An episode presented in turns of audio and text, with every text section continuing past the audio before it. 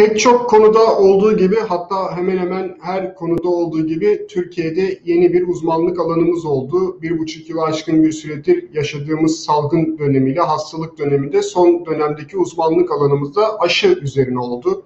Pek çok bilim adamını neredeyse solda sıfır bırakacak şekilde uzmanlık alanımız. Sosyal medyada, WhatsApp gruplarında BioNTech'in, Sinovac'ın ne etkisi var, ne etkisi yok, hangisi ne yapıyor diye konuşuluyor. Biz de Sözcü TV olarak bunun üzerine bu konuyu asıl gerçek uzmanına soralım dedik ve Profesör Doktor Mehmet Ceyhan'ı e, rica ettik. Sağ olsun bizi kırmadı. Bir bu çok net bir soruyu kendisine soracağız. Yayına başlamadan önce sizlerden ricamsa Sözcü TV'ye abone olmayı unutmamanız. Hocam yayınımıza hoş geldiniz. Hoş bulduk. Ee, önce bir genel aşılamayla başlayalım isterseniz. Türkiye'de e, benim az önce gördüğüm %16.4 aşılama gözüküyor. E, sizce bu tablo nasıl? İyi, iyi mi, kötü mü Türkiye'nin seyri, aşılama seyri? E, aslında tabii bunlara bakarak bir e, ülkenin tablosunun iyi ya da kötü olduğunu söylemek son derece yanlış olur. Çünkü aşılamayı tek başına düşünmek yanlış zaten.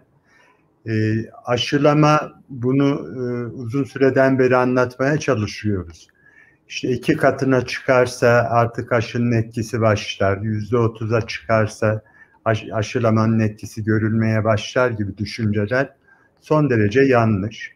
Bugün bile e, işte birçok basın organında değişik öğretim üyelerinin görüşleri vardı. Bunlar hiçbir dayanağı, bilimsel verisi olmayan yaklaşımlar. Çünkü şunu biliyoruz, siz eğer aşılamada hedef nokta olan yüzde 70-75 toplum aşılamasına gelmezseniz e, istediğiniz kadar aşılayın. Yüzde 15 ile yüzde 30 arasında bir fark göremezsiniz.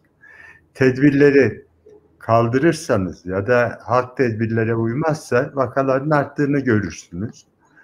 E, dolayısıyla şöyle bir e, e, soru sorulursa cevabım şu olur. E, e, şu dönemde salgının kontrol altına alınmasında vaka sayılarının artmaması için aşı mı daha önemlidir, alınan e, tedbirler mi daha önemlidir diye bunun cevabı kesinlikle tedbirler şeklinde olur. Aşılama bir taraftan bu salgını bitirmek için tek yol işte son hızla devam edecek ama diğer taraftan tedbirleri alacaksınız. Yani biz yüzde on altı aşılama yaptık diyelim. İşte 13. sırada falanız o açıdan. iki doz aşılamada. E, kaldı ki e, tek doz aşı yeterli düşüncesinin de yanlış olduğu birçok defalar gösterildi. En son Şili'den bir yayın çıktı. Hani gelen bütün aşıyı tek ilk doz olarak yapalım. Sonra buldukça aşıyı ikinci dozları biraz gecikmeli de olsa yaparız düşüncesi de yanlış. Çünkü Böyle yaptığınız zaman tek doz aşı yeteri kadar korumuyor ve tek doz aşıdan sonra hastaları görmeye devam ediyorsunuz. Şimdi bütün bunları bir araya koyduğumuzda örneğin biz yüzde on altı aşılama yapmışız ama vakalarını e, yüzde dört beş aşılama yapmasına rağmen bizden daha iyi kontrol eden ülkeler var. E, Sorun dolayısıyla, o zaman.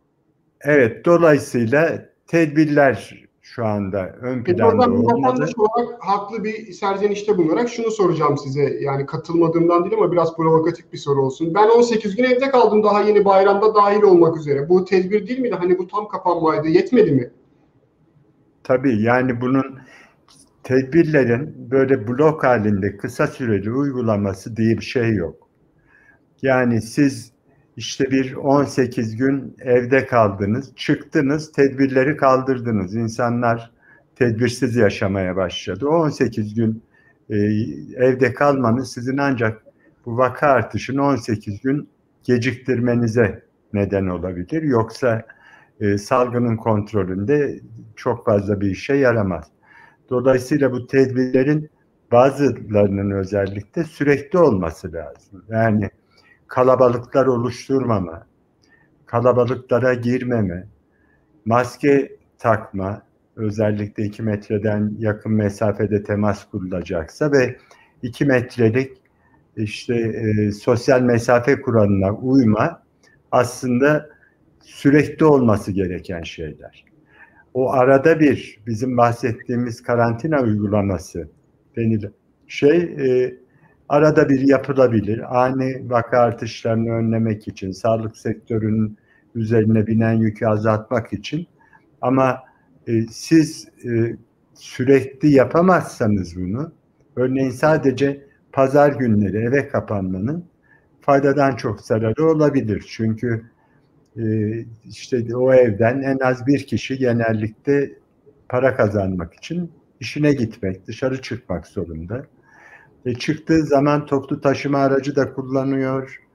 E, iş yerinde gereksiz e, kalabalıklaşmalar da oluyor.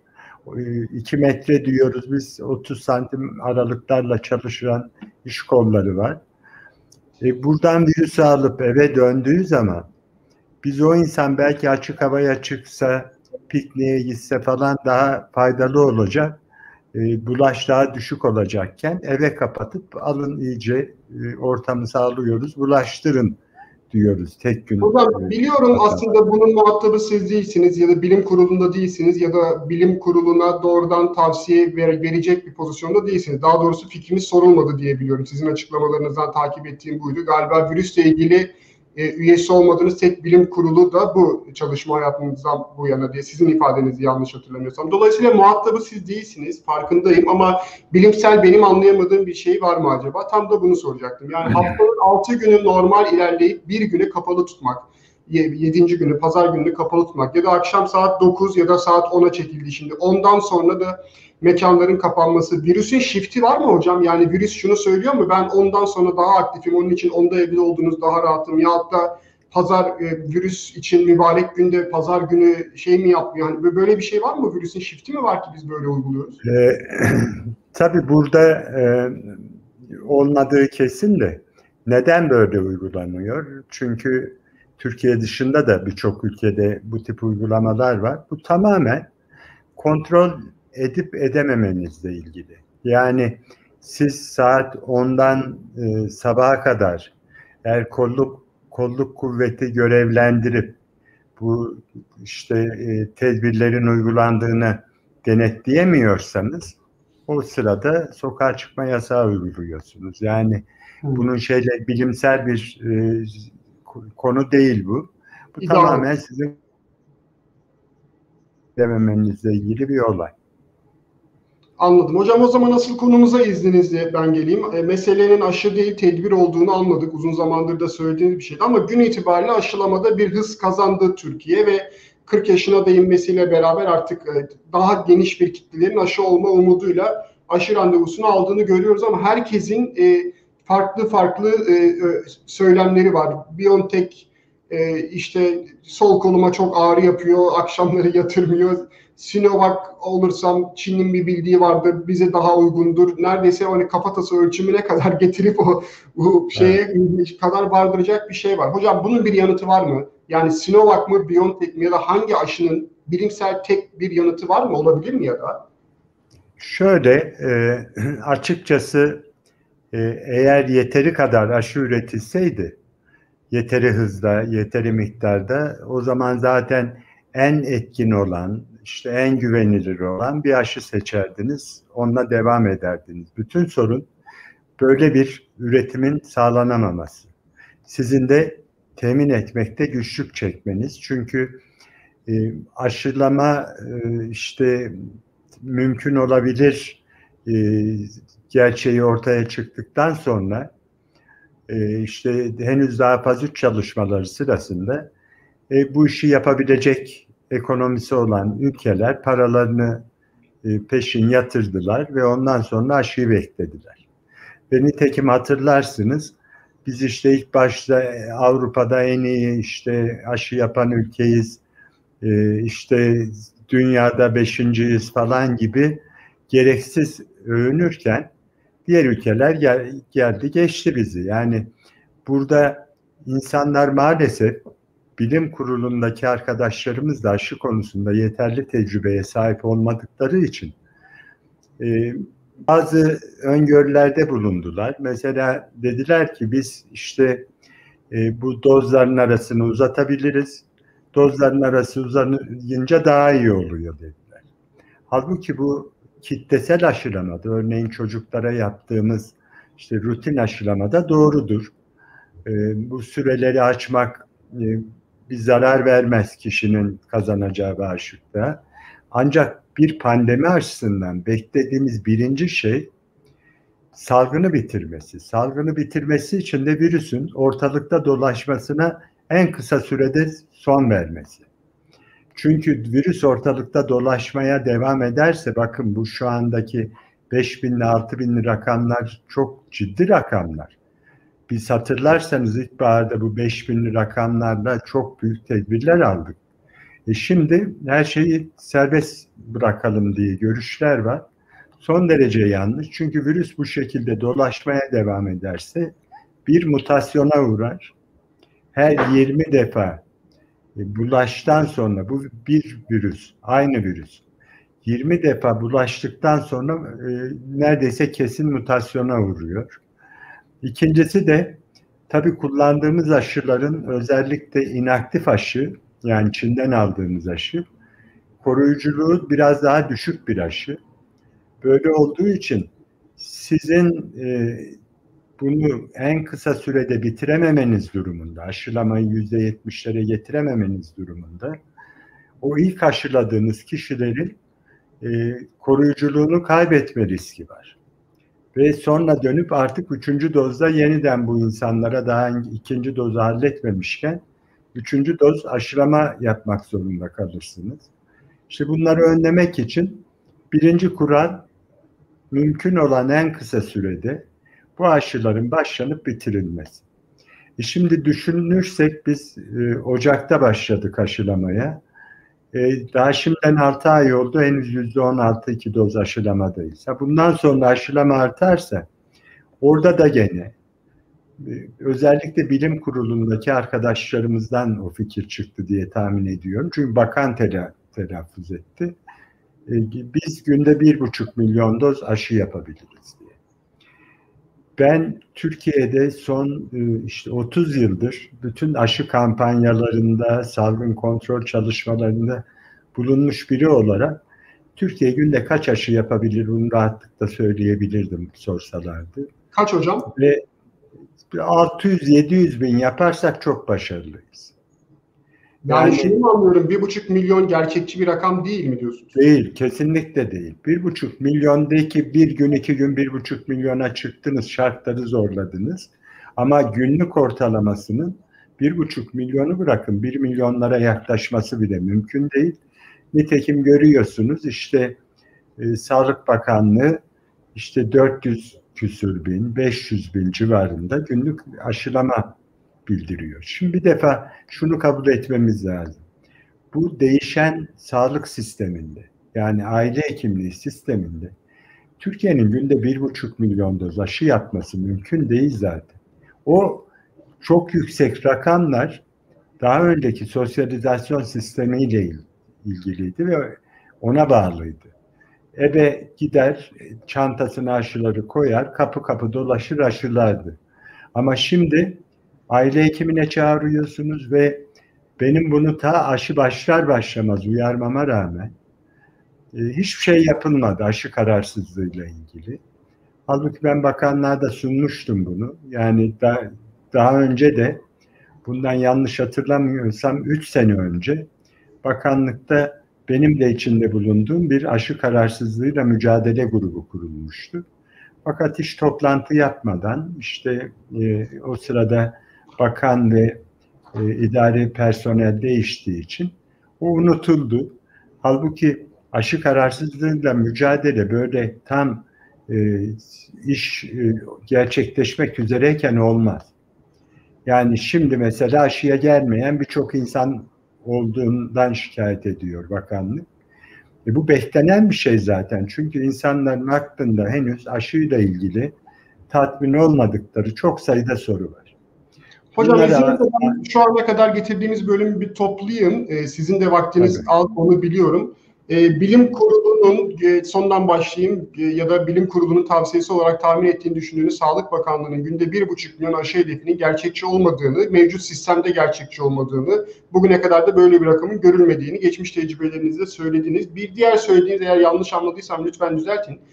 E, aşının iki aşı arasındaki arayı açarak belki de aşının daha uzun süre etkili olmasını hedeflemektense bir an önce aşılı iki aşısında tamamlamış Çok insan doğru. sayısını arttırıp vaka sayısını dibe düşürmemiz lazım. Belki de aşı, e, virüse bir şok etkisi yaratıp bir an önce ortadan kaldırmamız lazım. Çünkü e, bir e, mutasyon riski de karşı karşıyayız. Belki de e, bilmediğimiz bir zamanda belki de oldu ya da oluyor. E, milyonlarca aşıda boşa gitme ihtimaliyle bile karşı karşıyayız. Bir an önce herkes aşılansın ki virüs bir ortadan Evet. kalksın. Bu esnekliği uzatmaya sonra bakılabilir diye anladım. E, ya- umarım yanlış özetlemedim.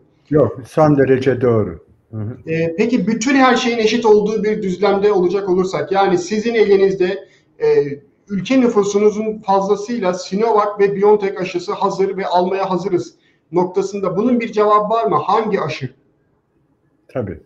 Şimdi şöyle söyleyeyim. Bir defa şu anda bulunduğumuz anda e, böyle bir se- seçme hakkı yok denebilir. Çünkü Anladım Sinovac aşısı yok. Tabii tabii Sinovac aşısı yok. Yani henüz e, gönderilmedi.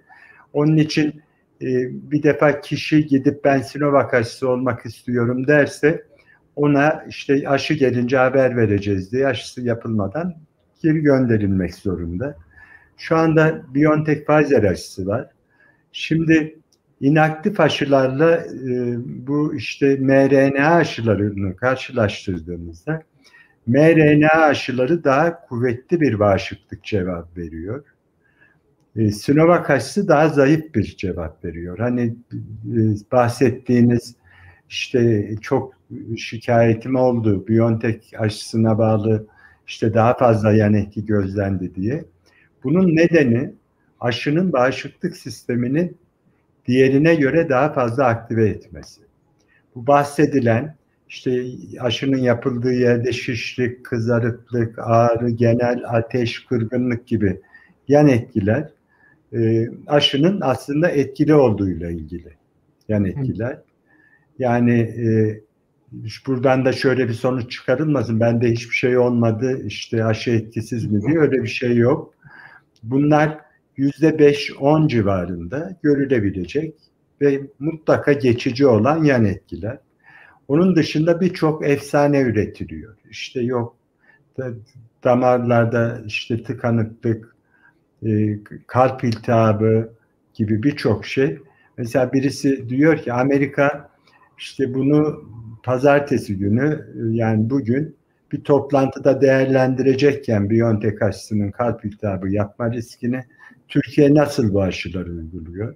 Amerika da aynı aşıyı uyguluyor. Yani bir yandan değerlendiriyor, bir yandan da uyguluyor bu aşıyı. Dolayısıyla yani güvenlik açısından bir defa şöyle söyleyeyim. Son derece güvenli aşılar.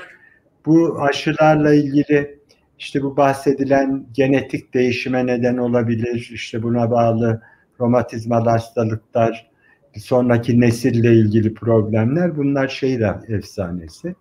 Çünkü mRNA dediğimiz bu genetik parça, insana verdiğimiz parça en büyük şey problemi zaten e, hatırlarsınız bu aşılar e, önce kanser aşısı için deneniyordu. Teknik hazırdı ve e, bu Covid çıkınca işte hemen koronavirüse yönlendirildi. Onun için bu kadar çabuk üretilebildi. Kanser aşılarında başarılı ol, olunmamasının en büyük nedeni zaten bu mRNA'nın vücutta uzun süre kalmaması. En fazla 3 gün kalabiliyor. Sonra atılıyor zaten vücuttan. Yani onun hücre içerisine girip DNA gibi RNA'nın DNA gibi hücre içine girip e, genetik materyale yapışması falan mümkün değil zaten. Böyle bir şey olmasın insanların aklına. Kalp iltihabıyla ilgili probleme gelince işte e, Amerika Birleşik Devletleri'nde 165 milyon doz aşı uygulandıktan sonra ortaya çıkan 266 tane e, genç nüfusta 30 yaşın altında ve yetişkinlerde ve çocuklarda kalp iltihabı, kalp kası iltihabı, e, tıpta biz miyokardit diyoruz ona, görülüyor. Ama bu tesadüfi sınırlar içerisinde olarak değerlendirildi ve aşıyla ilgisi olmadığı düşünüldü. Bir de diğer taraftan şunu da düşünüyorsunuz tabii. Hani aşıyla böyle bir ilişki kurulabilir mi emin değilsiniz ama COVID hiç belirti vermeden geçirilse bile bu bahsettiğimiz kalp kasında iltihabı yüzlerce kat fazla geliştiriyor aşıya göre.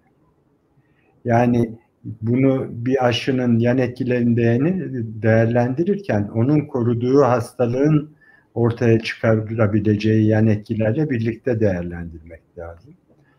Zaten herkesin içi rahat olsun. Bir kişide bile e, ölüme yol açabilecek ya da sakatlığa yol açabilecek ciddi bir yan etki ortaya çıktığında gördük bu olayı. İşte vektör aşılarında hemen durduruldu aşılar.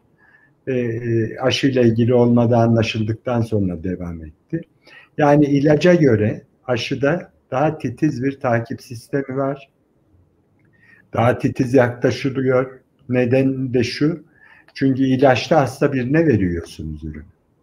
Yani o hastalık zarar verebilir. Onu önlemek için bazı yan etkileri göze alıyorsunuz ama aşıyı sağlıklı bir insana veriyorsunuz. Dolayısıyla hiçbir riski göze almıyorsunuz. İnsanların içi rahat olabilir aşı konusunda. Ve de şunu da bilmekte yarar var. Bu salgını bitirmenin aşıdan başka bir yolu da görünmüyor şu an. Hocam soruma ben tam e, net yanıt aldım diye düşünüyorum ama ben sizin yerinize şöyle bir toplarsam. E, eğer elinizde seçme imkanı olsaydı sizin e, tercihiniz BioNTech'ten yana olurdu diye anlıyorum. Doğru mu? Hayır. Hayır. Ben e, bu bir defa bir bilim insanının böyle bir öneride bulunmaması gerekir. Bu sorumluluk tamamen aşıyı yaptırana e, ya da onun yakınlarına aittir. Çünkü e, siz böyle söylersiniz, şu aşıyı işte tercih ederim diye. Yarın gider yaptırır, kolu şişer. Hani basit bir şeydir ama sizi çünkü siz bununla mesela bir iki kişinin e, sorusu olarak muhatap oluyorsunuz. Bana her gün binlerce mesaj geliyor hangisini olayım diye. Ve şunu çok açıkça söylüyorum. Kardeşlerimin bile hangi aşıyı yaptırdığının sorumluluğunu almadım. O tamamen kişinin vereceği bir e, cevaptır. Ben onlara sadece aşılar hakkında bilgi verdim. Tercihi kendileri yaptı. Vatandaşın da kendisinin yap, o tercihi yapması lazım. Bir tarafta inaktif bir aşı, yerli aşımızla bakın aynı şey olacak. Yani bizim e, işte Kayseri'de üretilen, e, pardon geliştirilen e, yerli aşımızda Çin'den aldığımız Sinovac aşısıyla aynı yapıda inaktif bir aşı. Bu tip aşılarda yani teknoloji eski bildiğimiz bir teknoloji ama bağışıklık cevabının BioNTech'e göre daha düşük olduğunu da hesaplamak lazım. Yan etki açısından evet BioNTech biraz daha fazla yan etkiye neden oluyor. Çünkü bağışıklık sistemini daha fazla aktive ediyor. Bu bilgilerle insanlar kendileri karar verecek. Yalnız burada şunu söylemem lazım. Bu soruda çok sık soruluyor. Şu hastalığım var ya da şöyle bir özelliğim var. Hangi aşı bana daha uygundur diye. Alerjim var işte hangi aşı daha uygundur diye. Bir defa iki aşı arasında şu gruba şu aşı uygundur, bu gruba bu aşı uygundur diye bir fark kesinlikle yok. Bunu maalesef hekimlerimizde böyle bir düşünce yerleşmiş ve bu yanlış düşünceyi hastalara da uyguluyorlar. Yani alerjim var der demez hasta hemen sen Sinovac ol diyorlar. Halbuki böyle bir şey yok. Sinovac'ın içinde de alerjen maddeler var. Biontech'in içinde de alerjen maddeler var. Birinde öbüründen daha çok değil. Kaldı ki alerji dediğimiz zaman bu lafı fazla kullandık herhalde ki insanlar çok önemsedi. Bizim bahsettiğimiz böyle yumurta yiyince kaşınan, penisilin yapılmış döküntüsü olmuş, ağrı kesici almış şey kaşıntısı olmuş. Bu tip alerjiden bahsetmiyoruz. Bizim bahsettiğimiz 7 milyonda bir görülen bakın. 7 milyonda bir görülen Ve genellikle kişinin haberdar olmadığı. Çünkü aşı içinde öyle maddeler var ki kişinin daha önce alıp o deneyimi yaşamış olma şansı yok. İlk defa aşıyla birlikte yapılıyor ve şoka sokabilecek özellikle bir e, aşı. Türkiye'de aşıyla ilgili benden fazla uğraşan insan yok. 40 e, senedir aşıyla uğraşıyorum ve şimdiye kadar iki kişi gördüm aşı nedeniyle bu tip alerjisi olan. Böyle konuşulduğu kadar risk e, taşıyan bir konu değil açıkçası. Hocam son kısa bir, bir kısa iki, iki tane sorum var. Size çok tuttum özür dileyerek evet. tekrar şunu söyleyeyim. Çapraz aşılama diye bir şey mümkün mü? Bir ondan bir ondan gibi bir şey var mı? Hayır çünkü Dünyada da yok, sadece yok Uruguay'da böyle bir veri yayınlandı. Ama zaten veri 136 tane kişi üzerinde yapılmış ve bir hafta gözlemişler sadece. Bunu zaten kendileri de belirtmişler. Yani bu çalışmanın bu tip açıkları var. Bununla karar vermemek lazım. Daha büyük çapta çalışma gerekir diye. Biz bunu genel anlamda hiçbir aşıda yani tamamen aynı yapıda değilse ki aşı ki bu da çok zor bir ihtimaldir. Ne çocukluk çağında uygulanan 16 farklı aşıda ne yetişkinde uygulanan 5 farklı aşıda kesinlikle kabul ettiğimiz bir olay değil. Hani bir bir firmanın aşısı, öbür öbür firmanın aşısı en küçük bir, bir farklılık bile olsa, taşıyıcı proteini bile farklı olsa onu yapılmamış kabul ederiz. Şimdi mesela dün çok soruldu bu. AstraZeneca olmuş. Göçmenler var. Ee, onlar bir doz olmuş, ikinciyi ne yapacağız? Ee, ve hekimler arıyor tabii bunun için. Ve onlara verdiğim cevap da bu şekilde. Biz elimizde hangi aşı varsa onu yapacağız. Sonra iki aşıdan birini iki doz yapmak zorundayız. AstraZeneca ya da bizim yaptığımız örneğin BioNTech aşısını. Şu andaki bilgilerimiz böyle. Ee, üçüncü doz aşı gerekli mi? Son sorum da bu olsun. Evet. Şimdi bu son derece önemli. Benim şu ana kadar önerim sadece sağlık personeliyle ilgili. Çünkü Sinovac aşısı olduk hepimiz, ben de dahil, bütün sağlık personeli. Ama sağlık personelinin içinde hala hastalık son derece yaygın. Yani bugün mesela bizim hastaneden dört kişi aradı beni, testleri pozitif çıkmış. Çünkü Sinovac aşısının gerçekten zaman geçtikçe koruyuculuğunda bir azalma gözlüyoruz sadece. Şimdi bu kişilere ben bakanlığa sürekli öneriyorum bunu. Bir üçüncü doz olarak BioNTech Pfizer aşısı yapılsın diye öneriyorum. Yoksa genel halk için yani e, sağlık personeli kadar temas riski olmadığı için genel halk uygulamasında henüz ne Sinovac aşısı olanlar için ne BioNTech aşısı olanlar için böyle bir üçüncü doz gerekliliği ortaya konulmadı. Neden? Çünkü bunu zaman gösterir. Yani bu kadar süre işte geçtikten sonra örneğin bir yıl geçti aşılamadan ölçersiniz. Bakarsınız bu kişinin yakalanıp yakalanmadığına bakarsın ve dersiniz ki birinci e, bir yıl sonra işte iki doz BioNTech Pfizer aşısı olanların yüzde 97'sinde atıyorum rakamları. Sinovac aşısı olanların yüzde 80'inde koruyuculuk devam ediyor dersiniz. Böyle bir veri yok elimizde. İkincisi bunu bazen tamamen bir epidemiyolojik hesaplamayla söyleriz ne kadar süre koruduğunu. Ama bunu söylememiz için de arka arkaya bir e, grup kişide ölçümler yapıp koruyucu düzeye altına ne zaman iniyor diye bakmamız lazım ki henüz daha bu hastalıkta koruyucu düzey nedir onu da bilmiyoruz. Yaptırırlarsa ne olur? Şöyle söyleyeyim. iki olasılık var zaten. Birinci olasılık bu hastalık grip gibi işte her yıl görülmeye devam edecek belli sayıda dünyada deniyor. İkincisi hayır bu işte bir yavaş yavaş toplumdan kaybolacak ve yarasaya geri dönecek iddiası var. Şimdi bunu da bilmiyoruz ama şöyle bir şey var.